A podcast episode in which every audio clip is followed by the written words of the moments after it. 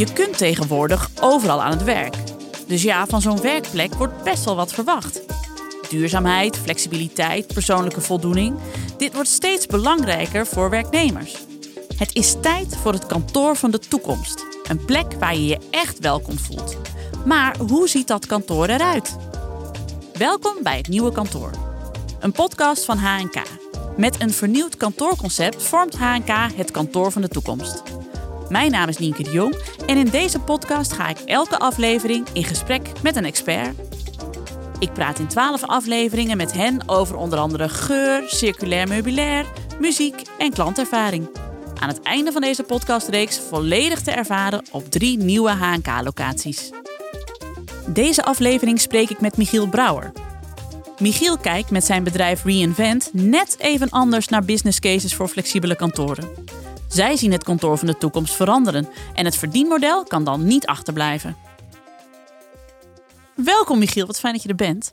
Jij bent Reinvent gestart, maar waarom? Eigenlijk zijn we Reinvent gestart vanuit de behoefte in de markt naar betere oplossingen voor kantoorgebouwen.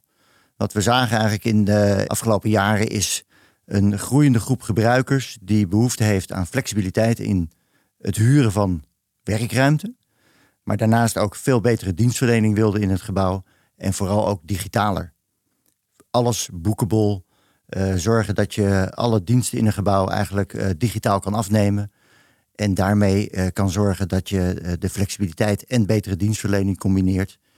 Dat hebben we eigenlijk de afgelopen jaren hebben we dat al zien ontstaan. Mijn achtergrond is bij Spaces. Mm -hmm. Dus met Spaces hebben we gezien dat er een grote behoefte is aan betere en flexibele kantoren. En dat hebben we wereldwijd hebben dat, uh, kunnen uitrollen. En daarmee zagen we eigenlijk dat het universeel is. Zowel in Tokio als in Los Angeles, als in Kaapstad, als in Amsterdam zie je eigenlijk dezelfde behoefte ontstaan bij vooral ook jonge mensen die een flexibel kantoorproduct willen, wat leuker is, beter is en beter aansluit vooral bij hun eigen behoeften. Ja, en dan is Reinvent. Jullie bedenken dan het businessmodel rondom een gebouw. Ja. Moet ik, zeg ik het zo simpel? Ik ben de leek, hè? dus ik moet ja. dat voor mezelf even simpel uitleggen. Ja, het is ook ja. heel eenvoudig eigenlijk. Je, wat je probeert te doen is op basis van een businessplan uh, het gebouw opnieuw uit te vinden. En daarmee ga je kijken naar uh, je doelgroep. En je kijkt naar je SWOT-analyse. En je kijkt eigenlijk naar wat ga je met dat gebouw nou doen. Mm. En het belangrijkste daarbij is, een gebouw is eigenlijk niks. En gebouwen zijn vier muren, een plafond en een vloer. Ja. Maar waar het om gaat is, wat is je doelgroep? En waar, waarom zou iemand naar jouw gebouw toe willen? En daar ga je dan over nadenken. Oh ja, en toen jij bij Spaces zat en jullie zagen dus hoeveel vraag daarnaar was. Um, hoe zat de vastgoedsector toen in elkaar? Wat, wat zag je daar gebeuren? Nou, eigenlijk is de vastgoedsector heel traditioneel. Hmm. Het is een hele conservatieve sector. Uh, vooral gedomineerd door grote partijen. En, en vooral gedomineerd door geld. Geld en vastgoed als uh, beleggingsproduct. Hmm. Maar tegelijkertijd, wat we zagen ontstaan, is dat die gebruiker, dat zijn vaak uh, nieuwe bedrijven die snel groeien, technologiebedrijven, ja, die kunnen niet zo vijf of tien of vijftien jaar vooruit kijken. Die kijken op veel kortere termijn en die willen ook gewoon een beter product. Want die willen nu goede koffie, die willen nu een uh, meetingroom huren en die willen ook hele goede uh, audiovisuele middelen hebben. Als dat soort dingen, die basisbehoefte in een gebouw niet aanwezig is, ja, dan zijn wij er eigenlijk voor om te zorgen dat dat wel komt en dat het gewoon eigenlijk allemaal werkt. Oh ja. En hoe kwam die vastgoedwereld nou zo conservatief? Werden ze niet uitgedaagd? Was er geen concurrentie? Hoe, uh, hoe ja, het is toch de vastgoedsector is de sector van het grote geld. Hmm. En uh, ja, daar domineert een andere orde vanuit uh, het verleden dan uh, dat het direct afrekenbaar was. en er was een grote afstand eigenlijk, wat je kan zien, tussen de eigenaar van een gebouw en die eindgebruiker. En die afstand, ja, wat wij proberen met Reinvent, is om die afstand wat te verkleinen. En eigenlijk te zorgen dat we voor en namens de eigenaar alles organiseren in zo'n gebouw. Want als ik het een beetje chargeer, is het dus... Vroeger was het zo, je was een eigenaar van een pand en je had een huurder... en dan zei je, nou, succes met mijn pand. Doei. Ja, dat, zo zou je het kunnen ja. zeggen. Ja. Maar, dat, en waarom, dat is dat nu niet meer. meer, waarom is dat niet meer houdbaar? Nou, eigenlijk omdat je ziet dat het gebruik van die gebouwen heel erg verandert. En die gebruiker die wil dus betere service in dat gebouw. Die wil zijn huurcontract ook volgende week, volgende maand, volgend jaar kunnen opzeggen. En niet meer vastzitten aan een tienjarig contract. En, en daar niet onderuit kunnen. Dus die flexibiliteit, ik noem dat ook wel eens het Spotify-model. We kennen allemaal Spotify. Je kan elke dag kan je opzeggen. Maar in feite wil je dat helemaal niet. En dat is hetzelfde met een kantoor. Op het moment dat je goede dienstverlening hebt in een gebouw en je, je zit daar prettig, dan is het fijn dat je morgen kan opzeggen. Maar het hoeft niet en in de praktijk doe je het waarschijnlijk ook niet. Maar ik kan me voorstellen dat het voorheen dus de vastgoedsector was het dus was het soort one size fits all. Van je verhuurt een ruimte, klaar is het. Ja. Dat lijkt me nu totaal anders. Ja, dat is nu echt heel anders geworden. Dus jij moet eigenlijk per gebouw ben je aan het uitzoeken wat, wat, wat heeft het nodig. Ja, eigenlijk is ieder gebouw is een ondernemingje. En voorheen werd er al gekeken naar gebouwen vanuit, ja, dat zijn, eh, dat, de locatie is het allerbelangrijkste, uiteraard. Eh, en daarna was het, ik bel een makelaar op en het is verhuurd. Mhm. Dat is niet meer. Dus je moet veel meer kijken vanuit het gebouw als bedrijf en het gebouw als businessplan. En dan ga je kijken van, nou, waarom zou iemand de moeite nemen om naar mijn gebouw toe te komen? Dus wat is er dan speciaal aan? Wat zijn dan die opportunities of die threats? En wat zijn dan de sterke en de zwakke kanten van zo'n gebouw? Nou, vanuit die SWOT-analyse ga je eigenlijk kijken, nou, wat is nou de ideale indeling? De ideale voorraad van dat gebouw? En dan kom je eigenlijk bij wat we vaak noemen het spekhoekmodel. Een spekhoek. Dit, nou, nou spitst mijn oren. Uh, wat is in vredesnaam het spekhoekmodel? nou, iedereen kent de spekhoek. Een spekhoek is opgebouwd uit verschillende laagjes. En uh, voor ons staat het spekhoekmodel staat eigenlijk model voor een modern gebouw. Iedere laag van het gebouw zou je kunnen vullen met een verschillende doelgroep. De ene wil een heel lang contract voor tien jaar met een hele grote ruimte. Dus een andere doelgroep die wil misschien maar voor een uur of voor een dagdeel een meetingroom huren. En daartussenin heb je allemaal uh, diensten of laagjes van die spekhoek die je eigenlijk kan aanbieden. En door vanuit elke laag te benaderen hoe je die spekhoek wil opbouwen, kun je dus een hele brede groep aan gebruikers aanspreken. En dat is eigenlijk uh, de essentie van een modern gebouw. Het businessmodel van een modern gebouw draait om: kan ik een brede doelgroep aanspreken om naar dat gebouw te komen en daar een meeting te hebben, een kantoor te huren, een kop koffie te drinken, maar misschien ook wel een voorstelling bij te wonen of een evenement. En zo dat gebouw beter gaan gebruiken. Ja, dit klinkt natuurlijk fantastisch, maar dit is best wel een grote ommezwaai voor de vastgoedsector. Wat, is dan, wat zijn hier dan de grootste uitdagingen in? Nou, wat je vooral ziet voor eigenaren zijn de grootste uitdagingen. Die zijn gelegen in een product wat uh, elke dag aandacht behoeft. Of een dienst die elke dag aandacht behoeft. Uh, een digitaler product. Dat zijn de meeste vastgoedeigenaren eigenlijk helemaal niet gewend om daar heel actief dagelijks mee bezig te zijn. En eigenlijk alles boekable te maken. En daarmee, ja, daar staat eigenlijk best wel een grote uh, uh, lacune mm -hmm. tussen wat de eigenaar gewend is om te doen en wat er nu gevraagd is vanuit de markt. Nou, daar proberen wij met onze dienstverlening op in te springen. Om daar uh, beter een, een, eigenlijk een connectie te maken tussen de eigenaar en die gebruiker. Stel je bent zo'n mastodont uit de vastgoedsector en je bent gewend om het al die jaren op deze manier te doen. En dat vind je een prettige manier van werken. Gewoon iets verhuren en dan is het oké. Dan krijg je nu dus eigenlijk een totaal ander bedrijf. Nou, je krijgt eigenlijk als je niks doet, dan krijg je het risico van leegstand. Mm -hmm. Nou, dat is natuurlijk het ergste wat er kan gebeuren voor een vastgoedeigenaar. Mm -hmm.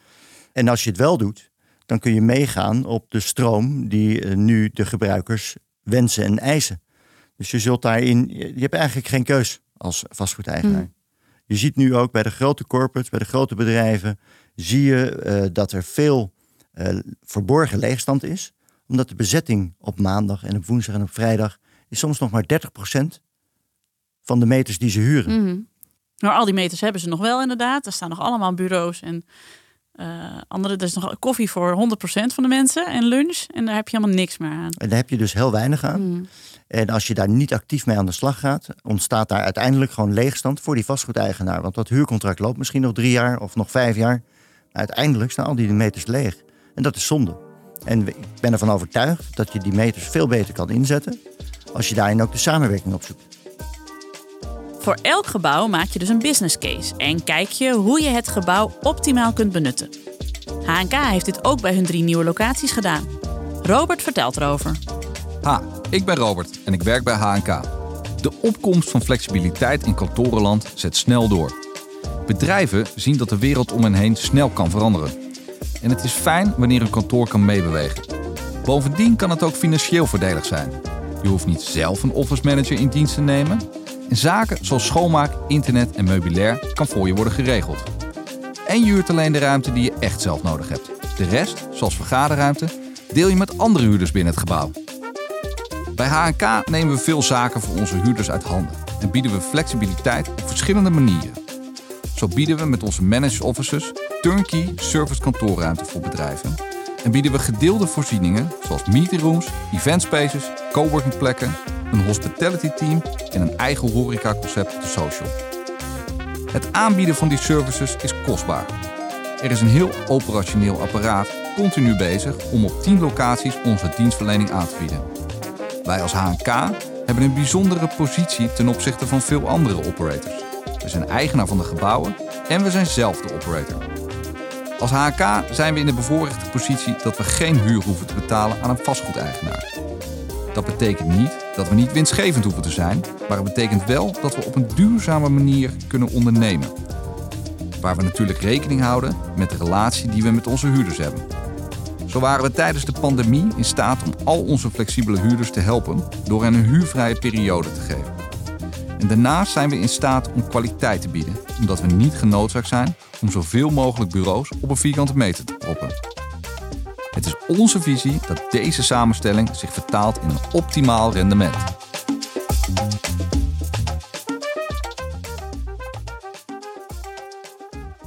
Michiel, jij zei net al um, dat je dan eigenlijk ook misschien in een, um, in een kantoorgebouw op zoek moet naar die multifunctionaliteit. Dus niet alleen uh, de bureaus en de, laptops, maar uh, kijken naar wat er nog meer kan. Wat denk je? Wat, wat kunnen we nog meer allemaal verzinnen? Nou, laat ik beginnen om te zeggen dat een kantoorgebouw eigenlijk het domste product is dat in de historie is ontstaan. Hè? Ja. Een kantoorgebouw is eigenlijk heel uh, eenzijdig. Hmm. In de zin van het zijn vier muren, een plafond en een vloer. Uh, en we gebruiken dat maar letterlijk 30% van de totaal beschikbare tijd als je kijkt naar 24/7. Hmm. Dus dat is eigenlijk helemaal niet slim. Ik ben ervan overtuigd dat dat slimmer kan. Hmm. En uh, wat zou er dan slimmer kunnen, is in ieder geval te proberen om verschillende functies in dat gebouw een plek te geven. Je kan denken dat naast kantoren kun je ook een, uh, een restaurant, je kunt daar ook retail doen, je zou er ook bewoning in zo'n gebouw kunnen doen. Uh, en dan krijg je eigenlijk een mixed-use functie, waardoor je dus gedurende de dag en ook gedurende de week eigenlijk verschillende groepen mensen in dat gebouw gebruik kan laten maken van die faciliteiten. En dat is veel slimmer, want daarmee uh, heb je de bestaande vierkante meters kun je beter inzetten. Je hebt ook niet allerlei verschillende plekken nodig waar je op verschillende plekken dingen kan doen, maar je kun je op één plek doen mm -hmm. in dat gebouw. Uh, en het maakt het ook veel leuker. Ja, want ik denk, we kunnen hier naar een, als, als businessmodel daar kijken van, ja, je benut dan inderdaad je vierkante meters beter en uh, meer uren per dag.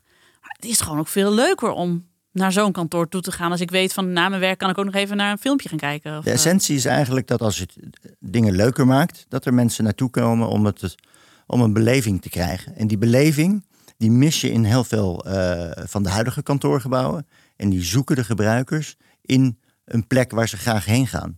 En dat kan zijn omdat, daar, uh, omdat je daar een evenement hebt, maar het kan ook zijn omdat je daar werkt maar ook graag wil blijven. En dat je daar ook kan fitnessen en dat je daar ook een kop koffie kan drinken. Maar dat je daar ook met je moeder nog even naartoe wil omdat er een theatervoorstelling is. Het zijn allemaal verschillende functies die je idealiter op een plek zoals in een gebouw kan combineren. Daar moet je wel over nadenken en daar moet je een plan voor maken. Nou, dat plan, dat noemen wij dan het businessplan. Dat is eigenlijk de essentie van uh, wat wil je met een gebouw. En is het ook zo als jullie nou, uh, stel jij hebt uh, een bedrijf dat graag met jullie in zee gaat. Uh, en die zeggen, oké, ja, wij hebben heel veel vierkante meters en we doen er niks mee. Hoe begin je dan zo'n businessplan? Wat is de eerste vraag die je, die je dan stelt? Wat we eigenlijk beginnen is met onderzoek over het gebouw en haar omgeving. Dus we kijken heel erg naar sociaal-demografische ontwikkelingen in een gebied. en stel het gebouw staat in een bepaalde stad, dan kijken we heel goed naar wat gebeurt er in die stad, in die wijk, in die straat en in de omgeving wat voor een type mensen wonen daar? Wat is het opleidingsniveau? Is er een universiteit? Is er een station? Uh, wat voor een type werkgevers zitten daar? En vanuit die analyse, dan ga je eigenlijk je businessplan pas opbouwen. Want het is extreem belangrijk hoe die omgeving in elkaar zit voor de functie die jouw gebouw in die omgeving krijgt. Want ik kan me voorstellen, als je hier bijvoorbeeld naar Amsterdam kijkt, uh, veel kantoorgebouwen, vooral op de Zuidas, is niet misschien de meest inspiratievolle plek voor een theater. Of misschien wel, als je het juist kan combineren voor die doelgroep op de Zuidas. Je ziet nu ook op de Zuidas allerlei nieuwe initiatieven ontstaan. Bijvoorbeeld een markt die op donderdag daar is. Ja. Ook om dat gebied wat meer leefbaar te maken. En wat je eigenlijk zag op de Zuidas is dat het een monocultuur werd. Van alleen maar uh, driedelige pakken in, uh, voor advocatenkantoren en bankiers. En eigenlijk, heel eerlijk, ik denk dat niemand dat leuk vindt. Nee, ik kan me niet voorstellen dat mensen daarna op de lange termijn echt gelukkig van worden. Nou ja, wij in ieder geval niet. Is dat een soort van post-corona-golf? Of denk je van dat dat was anders ook wel gebeurd? Want ik kan me voorstellen, er is natuurlijk veel qua thuiswerken veel veranderd sinds corona.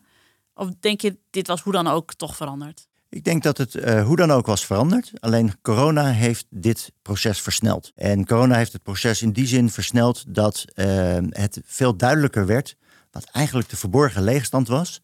En misschien ook wel het onderliggende gevoel van dat de meeste kantoorgebouwen gewoon heel erg saai zijn. Dus hoe kun je dat leuker, beter en vooral uh, dynamischer maken? Dat is eigenlijk het vraagstuk waar je nu voor staat als je een gebouw hebt. En, en hoe je dat gaat invullen ja, dat verschilt dus heel erg per gebouw. Ja, en is dat niet lastig voor jullie? Want ik kan me voorstellen, je kunt een prachtig businessplan uiteindelijk maken. En dat zo'n uh, vastgoedgigant dan zegt, ja, moet ik nou met mensen, moet ik nou een theater? Uh, hoe moet ik dat dan weer gaan doen? Wat, uh, moet ik nou met theatermensen gaan samenwerken? Voel jij daar veel weerstand in? In sommige aspecten wel. En het ligt ook heel erg aan de gebouweigenaar. Het ligt ook heel erg aan het gebouw zelf. Of het zich er wel of minder voor leent. En uiteindelijk maak je gezamenlijk maak je een plan. dus wij maken dat plan voor en namens een eigenaar. En uiteindelijk ga je kijken samen wat de beste invulling is. En daarbij denk ik ook dat het goed is om te realiseren dat uh, voor ieder plan wat je maakt, het hoeft ook niet vanaf dag één helemaal te staan. Er zijn ook zaken die zullen ontstaan in de tijd. En dat ontstaan, dat gebeurt eigenlijk door haar gebruikers. Op het moment dat je een plan schrijft, kun je natuurlijk van alles bedenken en de beste bedoelingen. Maar je moet eigenlijk ook aanvoelen wat er in de praktijk gebeurt op het moment dat er groepen mensen bij elkaar zijn. En dat is eigenlijk wel een van de leukste dingen om zo'n businessplan uit te voeren. Is dat je ziet wat er gebeurt in zo'n gebouw als zo'n groep mensen, noem het een community, bij elkaar is. En wat er dan ontstaat, dat is denk ik echt ja, een van de meest interessante dingen van vastgoed. Dus het gaat niet om stenen, het gaat echt om mensen. Kun je al een goed voorbeeld geven van een uh, pand dat jullie onder handen hebben genomen en hoe dat er nu dan uitziet? Ja, een erg goed voorbeeld is uh, in Utrecht, uh, naast het Centraal Station. Daar staat een gebouw, dat is een gebouw van ASR, dat heet Daalse Singel. En daar hebben we eigenlijk een gemeenschap bij elkaar gebracht van allerlei verschillende kantoorgebruikers. Die groot, klein, kort, lang huren. maar volledig eigenlijk helemaal nieuw in zo'n gebouw zijn getrokken. En daar zitten nu 25 verschillende huurders. En daar zit een bar in het gebouw.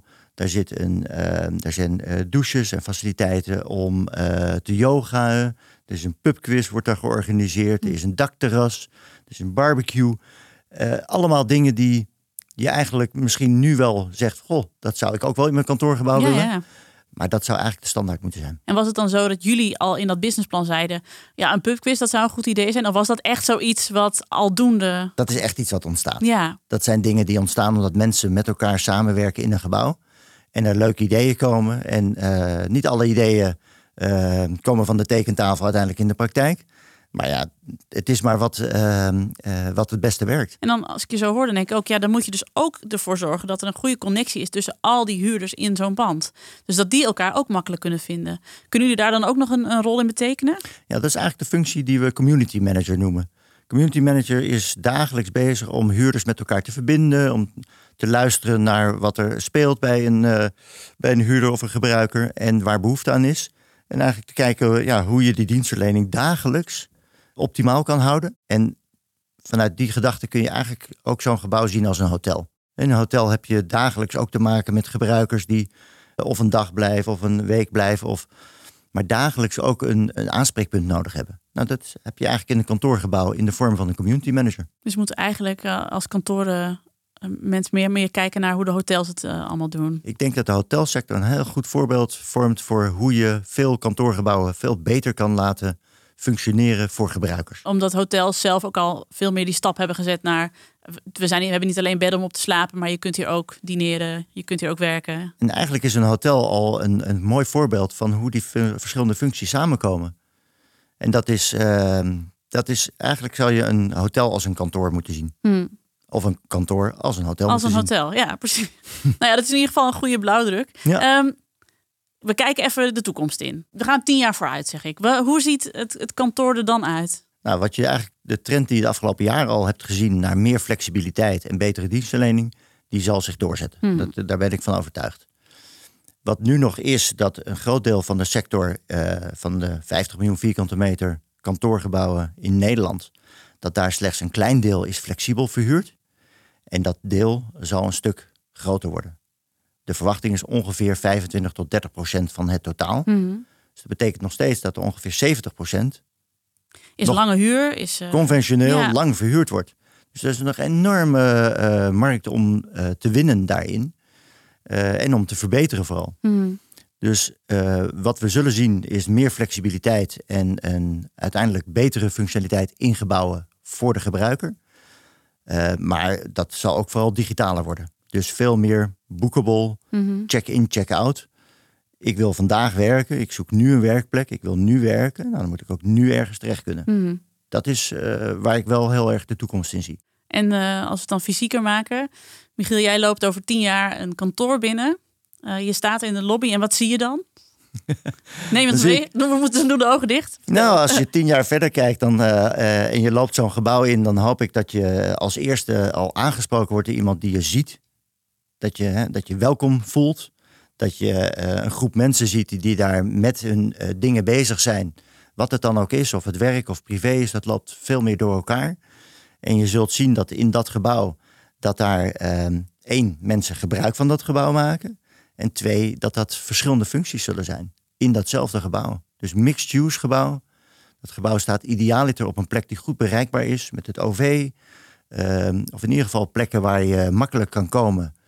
Eh, en dat die gebruikers zich eh, thuis voelen. Echt gewoon dat je een plek hebt. Dat we vergeten dat het gewoon vier muren, een plafond en een vloer zijn. En dat we dat, we dat een dan een kantoor noemen, het zal, dat maakt op zich niet uit hoe we het noemen. Nee. Het is gewoon een plek waar je graag komt. En dat is belangrijk. En dat je daar ook kan werken, dat is denk ik eh, elementair. Mhm. Dat is mooi meegenomen. Ja. Hey, dankjewel voor dit gesprek. Graag gedaan. Dit was het Nieuwe Kantoor, een podcast van HNK.